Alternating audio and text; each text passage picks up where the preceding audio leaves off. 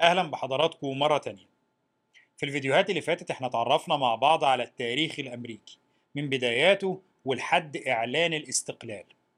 النهاردة إن شاء الله هنكمل كلامنا علشان نتعرف على تطورات حرب الاستقلال الأمريكية. وعلشان نشوف هل إعلان الاستقلال ده هيصمد ولا بريطانيا هتسحقه خليكم معانا.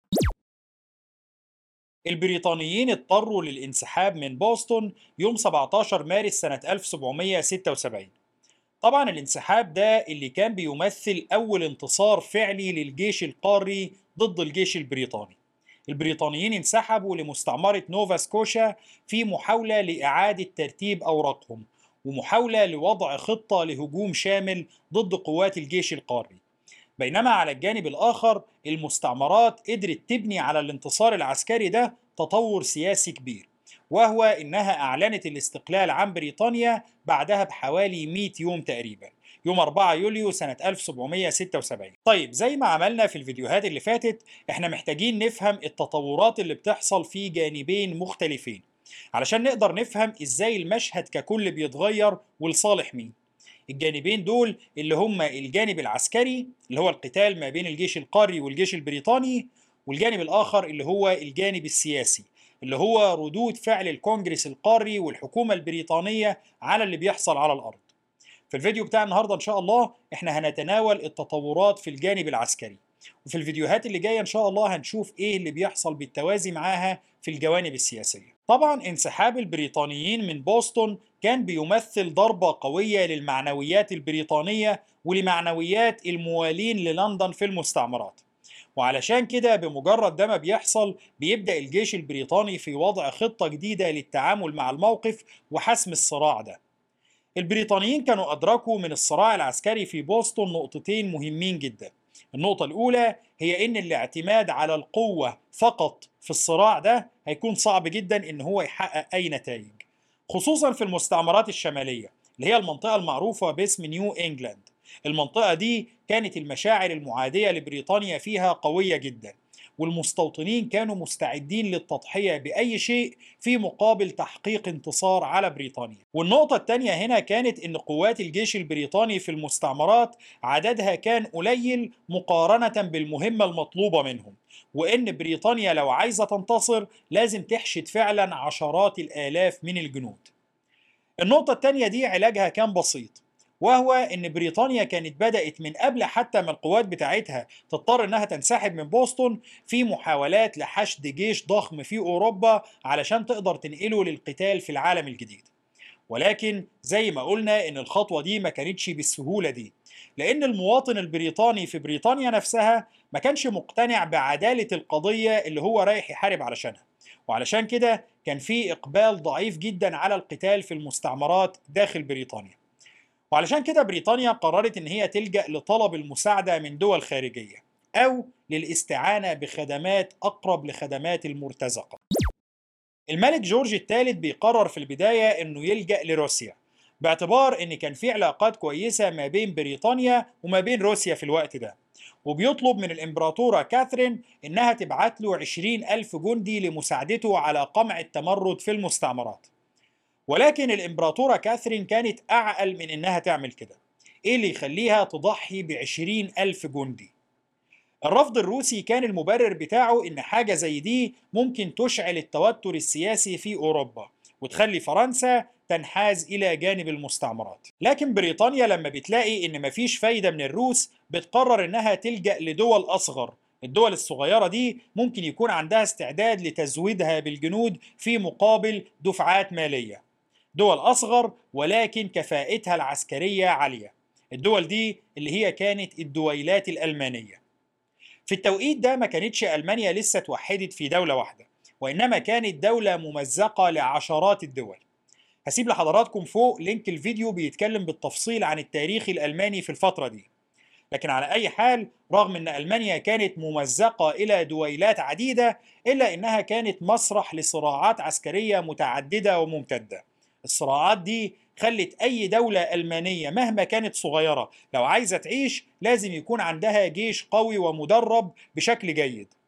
دي برضو الفترة اللي كان عايش فيها ملك بروسيا الملك فريدريك الكبير واللي كان مشهور جدا بقدراته العسكرية الفائقة وبجيشه اللي كان يعتبر أفضل جيش بري مدرب ومنضبط في أوروبا كلها. خلينا هنا ما ننساش برضو إن ملك بريطانيا كان لا يزال هو ناخب وحاكم هانوفر الألمانية وده خلى علاقته بالألمان كويسة جدا. وبالتالي الملك جورج الثالث بينجح في إقناع أكثر من دويلة ألمانية في إرسال جنودها للقتال إلى جانب بريطانيا في العالم الجديد. نسبة كبيرة من الجنود دول كانوا من منطقة في ألمانيا الحالية اسمها هيسي كاسل وعلشان كده بيعرفوا في التاريخ الأمريكي باسم الهيسيان. بل والتسمية دي بيطلقها الأمريكيين على أي جندي ألماني في المرحلة دي. على أي حال بريطانيا بتنجح في حشد عدد ضخم من الجنود على مدار سنة 1776 تقريبا على مدار السنة دي بريطانيا بتنجح في حشد أكثر من 40 ألف جندي وإرسالهم للقتال في العالم الجديد. وده بيكون أكبر جيش أوروبي تم حشده للقتال خارج أوروبا لحد التوقيت ده. بحلول بدايات سنة 1776 بتكون بريطانيا نجحت في حشد الجيوش بتاعتها أو على الأقل في حشد الموجة الأولى من الجيوش دي. الموجة دي كانت جاهزة لأنها تنتقل للعالم الجديد. وبكده مشكلة تعداد القوات اتحلت. ولكن كان لسه فاضل المشكلة الأهم وهي خطة القتال ده. القوات دي هتروح تعمل إيه؟ إحنا لسه قايلين إن بريطانيا اكتشفت إن الهجوم المباشر على المستعمرات الشمالية هتكون تكلفته ضخمة جدا ونجاحه أمر مشكوك فيه. دلوقتي بريطانيا جهزت القوات بتاعتها ولكنها على ما بقت جاهزة للوصول للمستعمرات كان البريطانيين بالفعل خسروا بوسطن. طيب دلوقتي مع وصول القوات الإضافية الضخمة دي خطة بريطانيا هتبقى عاملة إزاي؟ الجنرال هاو في أثناء وجوده في نوفا سكوشا وفي أثناء انتظار وصول التعزيزات كان بدأ بالفعل يرسم خطة طموحة جدا. الخطة دي كانت مبنية على أن المشاعر المعادية لبريطانيا كانت متركزة بشكل أساسي في منطقة نيو إنجلاند. أو خلينا نقول في المستعمرات الشمالية والمستعمرات الوسطى كمان. وأن المستعمرات الجنوبية كان فيها قدر كبير جدا من الموالين للملك والموالين للندن فالراجل لقى إنه كل ما يهاجم المستعمرات الشمالية هيلاقي فيها أعداء كتير جدا. وفي نفس الوقت انحياز المستعمرات الجنوبية إلى جانب المستعمرات الشمالية كان مخلي فيه دعم كبير جدا بيوصل للمستعمرات الشمالية اللي هي مركز التمرد باستمرار. فهنا بيقرر إن خطته تعتمد على فصل الشمال عن الجنوب. بريطانيا لو نجحت في فصل الشمال عن الجنوب هتقدر ببساطة تستعيد سيطرتها على المستعمرات الجنوبية لو هجمتها مباشرة. وتقدر تهاجم المستعمرات الشمالية بعد ما تكون حرمت الشمال من جزء ضخم من قوة المستعمرات. الفكرة من الناحية النظرية كانت فكرة ممتازة. ولكن السؤال هتتنفذ إزاي؟ الجنرال هاو بيقول إن الموضوع بسيط. قوات الجيش القاري كانت حاولت في نهاية سنة 1775 إنها تهاجم كيبك وفشلت في المحاولة دي.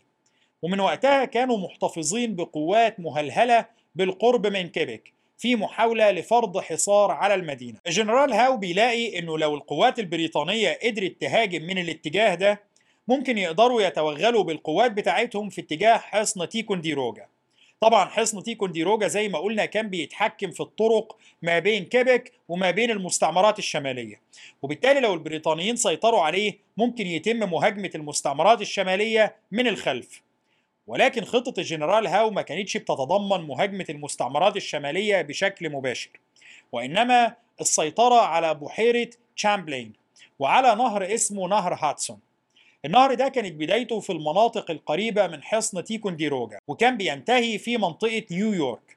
فالراجل كانت خطته إن البريطانيين يسيطروا على بدايات النهر ده بالقرب من تيكونديروجا وفي نفس الوقت يبعتوا قوة تهاجم نيويورك علشان تسيطر على مصب النهر. وبمجرد ده ما بيحصل يحاولوا يأمنوا مسار النهر والضفاف بتاعته. لو ده حصل يبقى كده تم بالفعل فصل الشمال عن الجنوب تماما.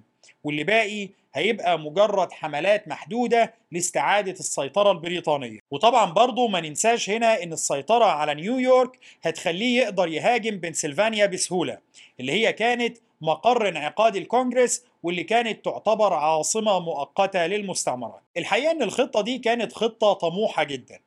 أيوه تنفيذها وارد إنه يبقى صعب وإن يكون في تحديات كتير وإنه ياخد وقت طويل.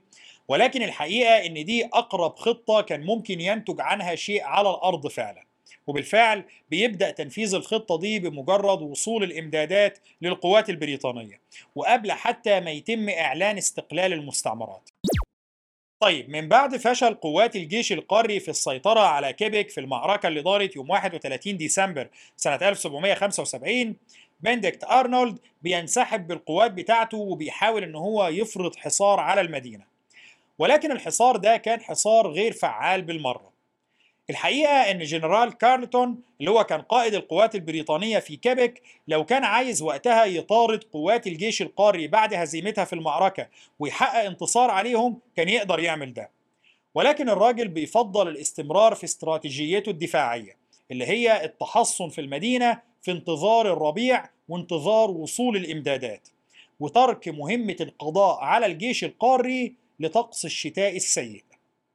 طبعا بعد الهزيمة دي الكونجرس القاري بيبعت سلسلة من الإمدادات للجنود الموجودين بالقرب من كيبك كل فترة كان بيتبعت دفعة جديدة من الجنود علشان تستمر في السيطرة على المنطقة ودعم الجيش اللي المفترض إن هو محاصر كيبك واللي بدون الإمدادات المستمرة دي كان هيفنى من الجوع ومن المرض. ولكن كل الجهود دي يدوب قدرت تحافظ على التوازن.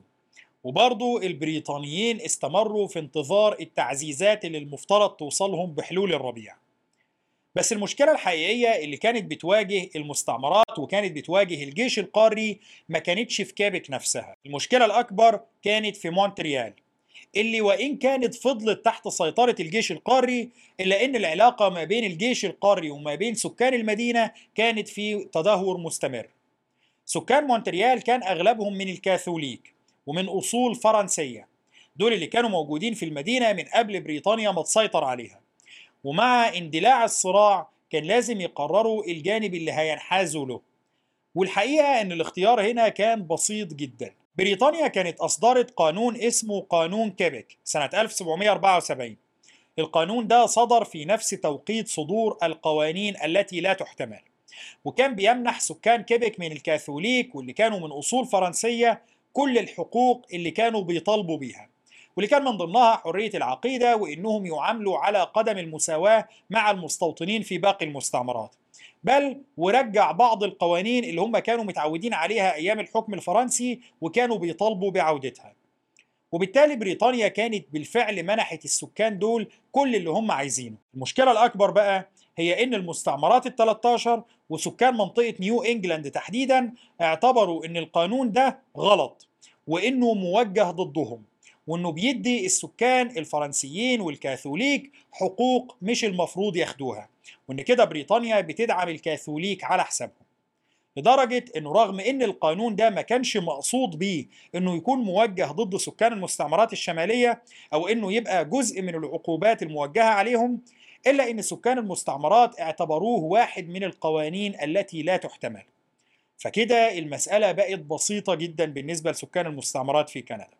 بريطانيا منحتهم حقوقهم بالمجان بينما المستعمرات اللي عاملة ثورة ضد بريطانيا شايفة إن منحهم الحقوق دي كان خطأ.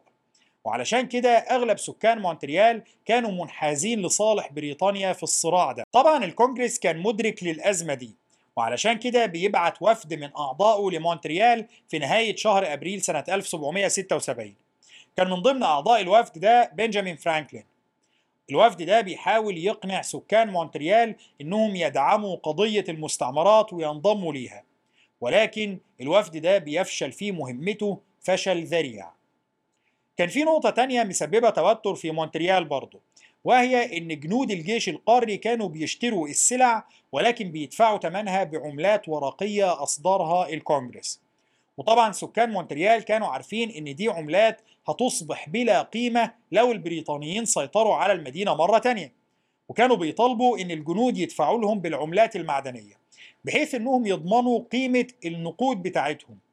ولكن طبعا جنود الجيش القاري بيرفضوا ده. وده بيخلي سكان مونتريال يشوفوا إن اللي بيحصل من جنود الجيش القاري هو سرقة علنية. عموما رغم إن الأوضاع كانت سيئة بالنسبة للجيش القاري في الجبهة دي إلا إنها كانت على وشك إنها تصبح أسوأ بكتير جدا لأن طلائع الإمدادات البريطانية كانت على وشك الوصول. الجنود الألمان أو الهيسيان بيتحرك أول مجموعات منهم في اتجاه كيبك مع حلول فصل الربيع سنة 1776 وبمجرد وصول أول دفعة الجنرال كارلتون بيقرر إنه يعمل اختبار. من ناحية كان عايز يختبر الجنود الجدد اللي جايين له دول لأنهم جنود ألمان مش بريطانيين. فراجل كان عايز يطمن لمدى تدريبهم وانضباطهم. ومن ناحية تانية كان عايز يختبر مدى صلابة الجيش القاري اللي كان معسكر أمام مدينته بقاله شهور. وعلشان الراجل يضمن إن مفيش مفاجآت تحصل بيقرر إنه يعمل الاختبار ده بعدد محدود من الجنود. علشان لو حصلت كارثة يبقى مقدور عليها. الراجل هنا بياخد 900 جندي فقط وبيطلع يناوش الجيش القاري. وبمجرد جنود الجيش القاري ما بيلاقوا قدامهم قوة عسكرية منظمة ومدربة بيهربوا. إحنا هنا مش بنتكلم عن قرار انسحاب منظم ولكن عن هروب بمعنى الكلمة. انسحاب سيء جدا وبدون أي خطة ومندفع لدرجة إن لو الجنرال كارلتون كان قرر يطاردهم كان قضى عليهم. ولكن برضه كالمعتاد الجنرال كارلتون بيكتفي بالانتصار المحدود وبيقرر الانتظار لحد ما توصل كل التعزيزات. قوات الجيش القاري بتتجمع على بعد حوالي 60 كيلو من كيبك وهناك بينعقد مجلس حرب وبيقرر استكمال الانسحاب في اتجاه مونتريال. يوم 1 يونيو سنة 1776 بيوصل الجنرال بورجوين اللي هو واحد من كبار المساعدين بتوع الجنرال هاو على رأس دفعة ضخمة من الجنود الألمان والأيرلنديين. وبعدها بأسبوعين تقريبا بتكون كل الأمور جاهزة وبيبدأ الزحف البريطاني الحقيقي في اتجاه الجنوب. طبعا بمجرد الأخبار دي ما بتوصل للجيش القاري في مونتريال بيقرروا الانسحاب من المدينة بدون قتال. ولكنهم بيحاولوا أثناء انسحابهم إنهم يحرقوا المدينة كلها.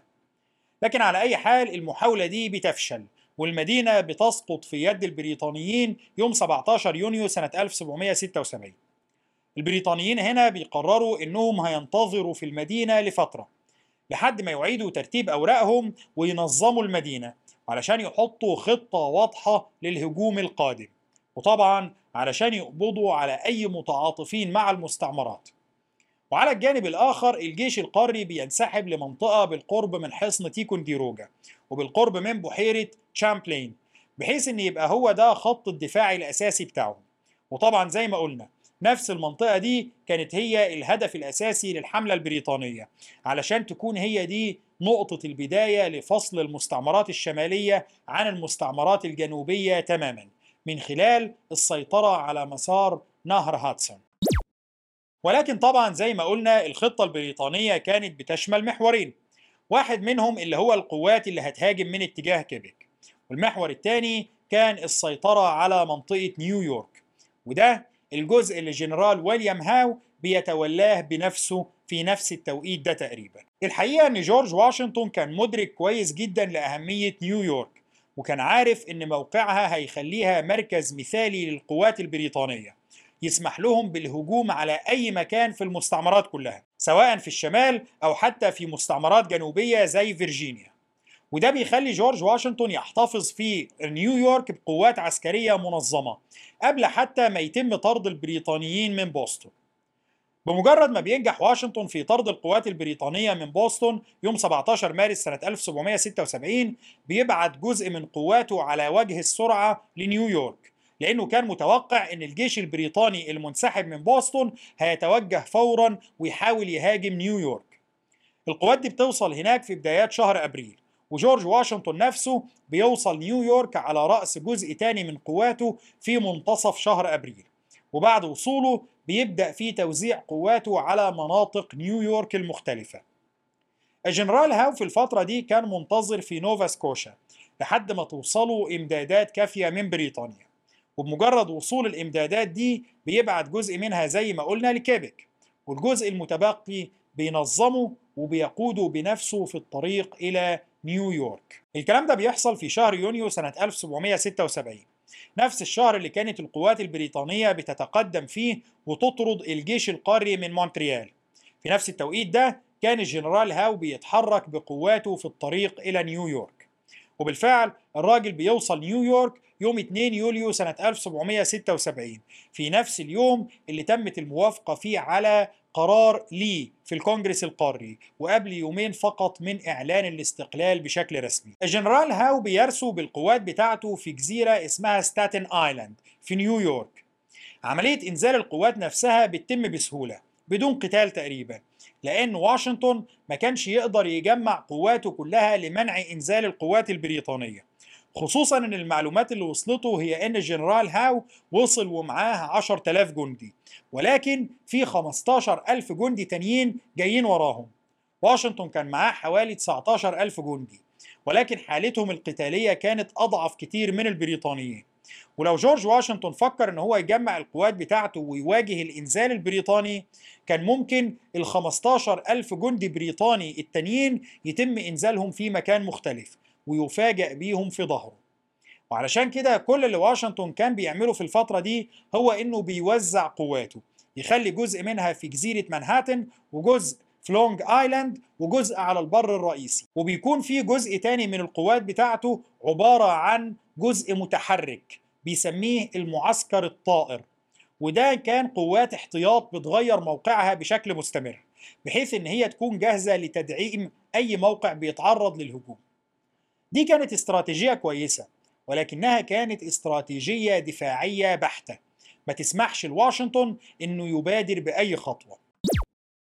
الجنرال هاو كان مدرك لموقف واشنطن وعلشان كده بعد إتمام رسو قواته ما بيبدأش بهجوم مباشر ولكنه بيحاول يفتح طريق للتفاوض مع جورج واشنطن. الملك جورج الثالث كان فوض الجنرال هاو في إنه ممكن يتفاوض مع المتمردين. ومنحه بعض الصلاحيات اللي تساعده على إتمام التفاوض ده. أهم الصلاحيات دي كانت حق العفو عن بعض الأشخاص أو حق العفو العام وحق التباحث مع رعايا الملك. طبعا ده كان معناه إن أقصى ما يمكن للجنرال هاو تقديمه لأي شخص هو إنه يصدر عفو عنه. الجنرال هاو بيحاول يبعت رسالة لجورج واشنطن.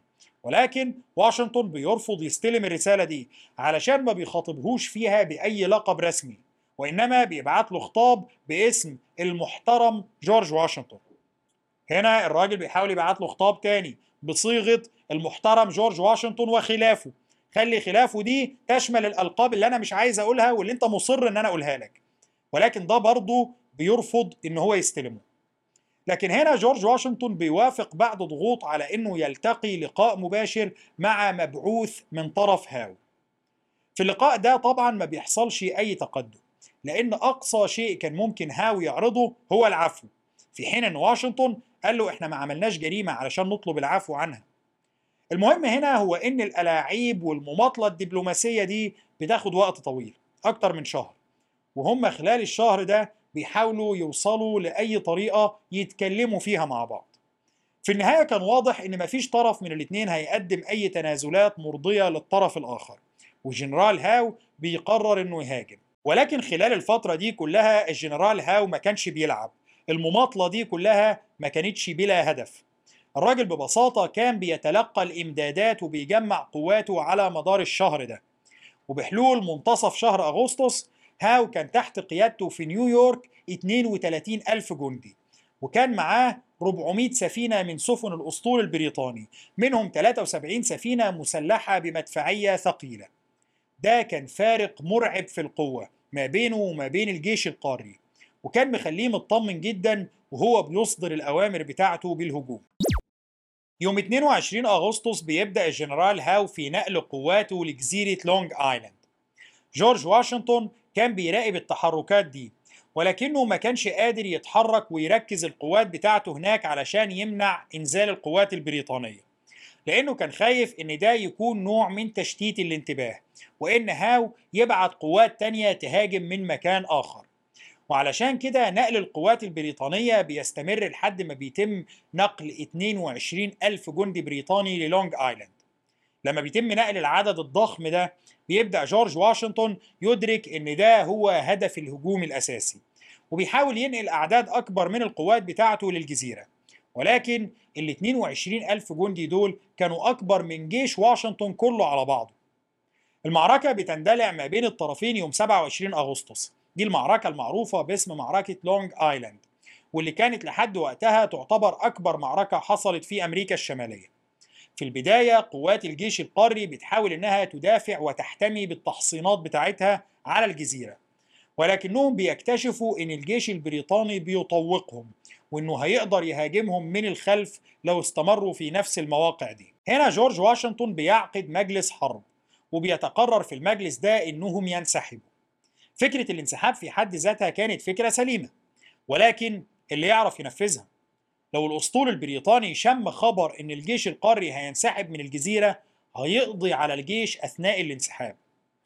ولكن المفاجأة هنا هي إن جورج واشنطن رغم إن كان في تخبط واضح بيحصل في إصدار الأوامر بتاعته وفي التواصل مع القادة بتوعه إلا إنه بينجح بشكل مفاجئ في سحب قواته متخفيا بالظلام يوم 29 يوليو. الفكرة هنا هي إن واشنطن بيقدر ينسحب بقواته كاملة وبالجرحى والمصابين بتوعه وحتى بالمؤن والذخائر ومن غير ما يخسر جندي واحد في عملية الانسحاب دي. وعلشان كده رغم إن المعركة نفسها انتصار بريطاني لا شك فيه إلا إن انسحاب واشنطن بجيشه لمنهاتن بيضيع على البريطانيين فرصة ذهبية لحسم الصراع. البريطانيين خسروا في المعركة دي حاجة وستين قتيل. بينما الجيش القاري خسر أكثر من 300 قتيل و1000 أسير. من ضمن الأسرى اللي بيقعوا في يد البريطانيين في المعركة دي كان جنرال من الجيش القاري اسمه جون سوليفان الجنرال هاو لما بيعرف إنه من ضمن الأسرى بيقابله وبيطلب منه إنه يحمل رسالة للكونجرس يطلب منهم التفاوض وبيطلق بعدها سراحه. الراجل بيرجع لواشنطن يبلغه باللي حصل. وبعد كده بينطلق للكونجرس القاري يعرض عليهم الموضوع. طبعا في الوقت ده كان خلاص الكونجرس أعلن الاستقلال وبالتالي فكرة التفاوض ما كانش حد متوقع لها إنها تجيب أي نتيجة. ولكن في نفس الوقت الكونجرس ما كانش يقدر يرفض عرض رسمي بالتفاوض. وعلشان كده الكونجرس بيبعت وفد للقاء الجنرال هاو وللتفاوض معاه. الوفد ده كان بيضم بنجامين فرانكلين وجون آدمز اللقاء ده بيتم يوم 11 سبتمبر سنة 1776 وطبعا كان عبارة عن تحصيل حاصل. وفد الكونجرس كان جاي يطلب إن بريطانيا تعترف بالاستقلال بينما الجنرال هاو بيعرض عليهم الاستسلام مقابل العفو. بعد ثلاث ساعات من التباحث الاجتماع بينتهي وجنرال هاو بيقرر إن هو يستكمل حملاته العسكرية. طبعا الحملات دي اللي هي كانت الهجوم على الجيش القاري. بعد أربع أيام بس من اللقاء ده يوم 15 سبتمبر الجنرال هاو بينقل حوالي 12 ألف جندي لجزيرة مانهاتن علشان يهاجم القوة الرئيسية للجيش القاري بقيادة جورج واشنطن. يوم 16 بيحصل اشتباك ما بين الجيش القاري والقوات البريطانية في معركة معروفة باسم معركة مرتفعات هارلم. في المعركة دي قوات الجيش القاري بتنجح في الصمود أمام الجيش البريطاني وفي صد الهجوم بتاعهم. ولكن واشنطن بيكتشف إن الهجوم المباشر هنا هو مجرد تشتيت لانتباهه وإن البريطانيين بالفعل بدأوا ينقلوا قواتهم للخلف علشان يلتفوا عليه ويقطعوا عليه طريق الرجعة ويحاصروه.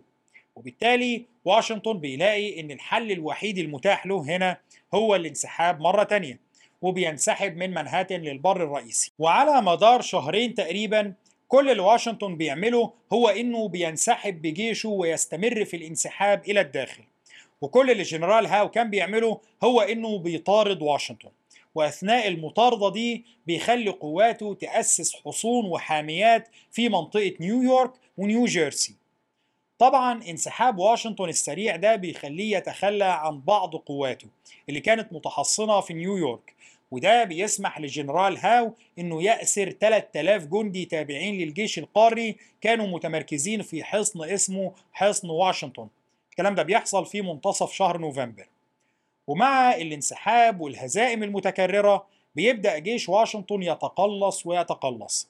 بينما المنطقة اللي الجيش البريطاني كان مسيطر عليها في نيويورك كانت بتتسع أكتر وأكتر. طيب خلينا نرجع مرة تانية للقوات اللي كانت بتتقدم من اتجاه كيبك القوات البريطانية بعد ما سيطرت على مونتريال وأعادت تنظيم الوضع فيها بيقرروا إنهم يستكملوا الزحف بتاعهم في اتجاه الجنوب. طبعا هنا الهدف الأساسي بتاعهم كان السيطرة على حصن تيكونديروجا وعلى بحيرة شامبلين بس المشكلة كانت إن البحيرة كان فيها سفن كتير الجيش القاري سيطر عليها وحولها لأسطول صغير تابع له. الجيش البريطاني لو كان عايز يضمن سيطرته على نهر هدسون كان لازم يدمر السفن دي أو يسيطر عليها. وده اللي خلى الحملة دي تاخد وقت طويل لحد ما تكمل تقدمها. بالرغم من إنهم سيطروا على مونتريال يوم 17 يونيو إلا إنهم بياخدوا حوالي أربع شهور لحد ما بيتحركوا ويقرروا يهاجموا بعد كده. الفترة دي بيستغلوها في بناء وتجميع عدد من السفن والقوارب ونصب المدفعية عليها. بحيث إن يبقى عندهم أسطول يقدروا يحاربوا بيه السفن التابعة للمستعمرات الموجودة في بحيرة تشامبلين طبعا بندكت أرنولد كان عارف ده كويس وكان حاطط خطة بيحاول فيها إن المعركة تدور في منطقة تدي للسفن بتاعته الأفضلية. وبالفعل يوم 11 أكتوبر سنة 1776 بتدور معركة في بحيرة تشامبلين ما بين السفن التابعة للجيش البريطاني والسفن التابعة للجيش القاري. وبالرغم من إن المعركة بتحصل في نفس الموقع اللي بندكت أرنولد خطط له إلا إن قوة النيران بتاعة السفن البريطانية كانت أعلى بكتير وبتسمح للسفن البريطانية بحسم المعركة. مع نهاية المعركة أرنولد ورجاله بينسحبوا لحصن تيكونديروجا وبيقرروا التحصن فيه كخط دفاع أخير. طبعا في التوقيت ده كان خلاص الشتاء بدأ. وفكرة فتح صراع جديد مع تيكونديروجا كانت صعبة خصوصا إن غالبا الحصن ده مش هيسقط إلا بحصار طويل. فكده كان خلاص الحملات العسكرية لازم تتوقف. إحنا هنا بنتكلم عن شهر نوفمبر سنة 1776 الجيش البريطاني اللي بيتقدم من كيبك بيقرر إن هو يوقف تقدمه ويرجع لكيبك مرة تانية ويكتفي بالانتصارات اللي حققها لحد دلوقتي. ويجهز نفسه خلال فصل الشتاء لحملة جديدة يقدر من خلالها إنه يقضي على أي مقاومة متبقية في تيكونديروجا ويفتح الطريق للمستعمرات الشمالية. وفي نفس الوقت جورج واشنطن كانت قواته بتهرب من مكان لمكان خوفا من البريطانيين. وكل يوم كانت أعداد الجيش بتاعه بتتضاءل والحماس لفكرة الثورة نفسها بيقل. وجنرال هاو اللي كانت قواته سيطرت على أغلب أجزاء نيويورك ونيو جيرسي بيقرر هو كمان إنه ينهي الحملات في الشتاء ده ويخلي القوات بتاعته تعسكر في انتظار الربيع. دي كانت أصعب فترة مرت على الجيش القاري. وعلى فكرة الاستقلال في حد ذاتها. البريطانيين كانوا خلاص مقتنعين إن مع حلول الربيع القادم حملة جديدة هتنطلق من كيبك وحملة تانية هتنطلق من نيويورك والحملتين هيكونوا مع بعض قادرين على إخماد التمرد والقضاء عليه تماما. هل ده بالفعل اللي هيحصل؟ ده اللي هنتعرف عليه في الفيديو اللي جاي إن شاء الله. شكرا لحضراتكم وإن شاء الله نكمل كلامنا الأسبوع اللي جاي.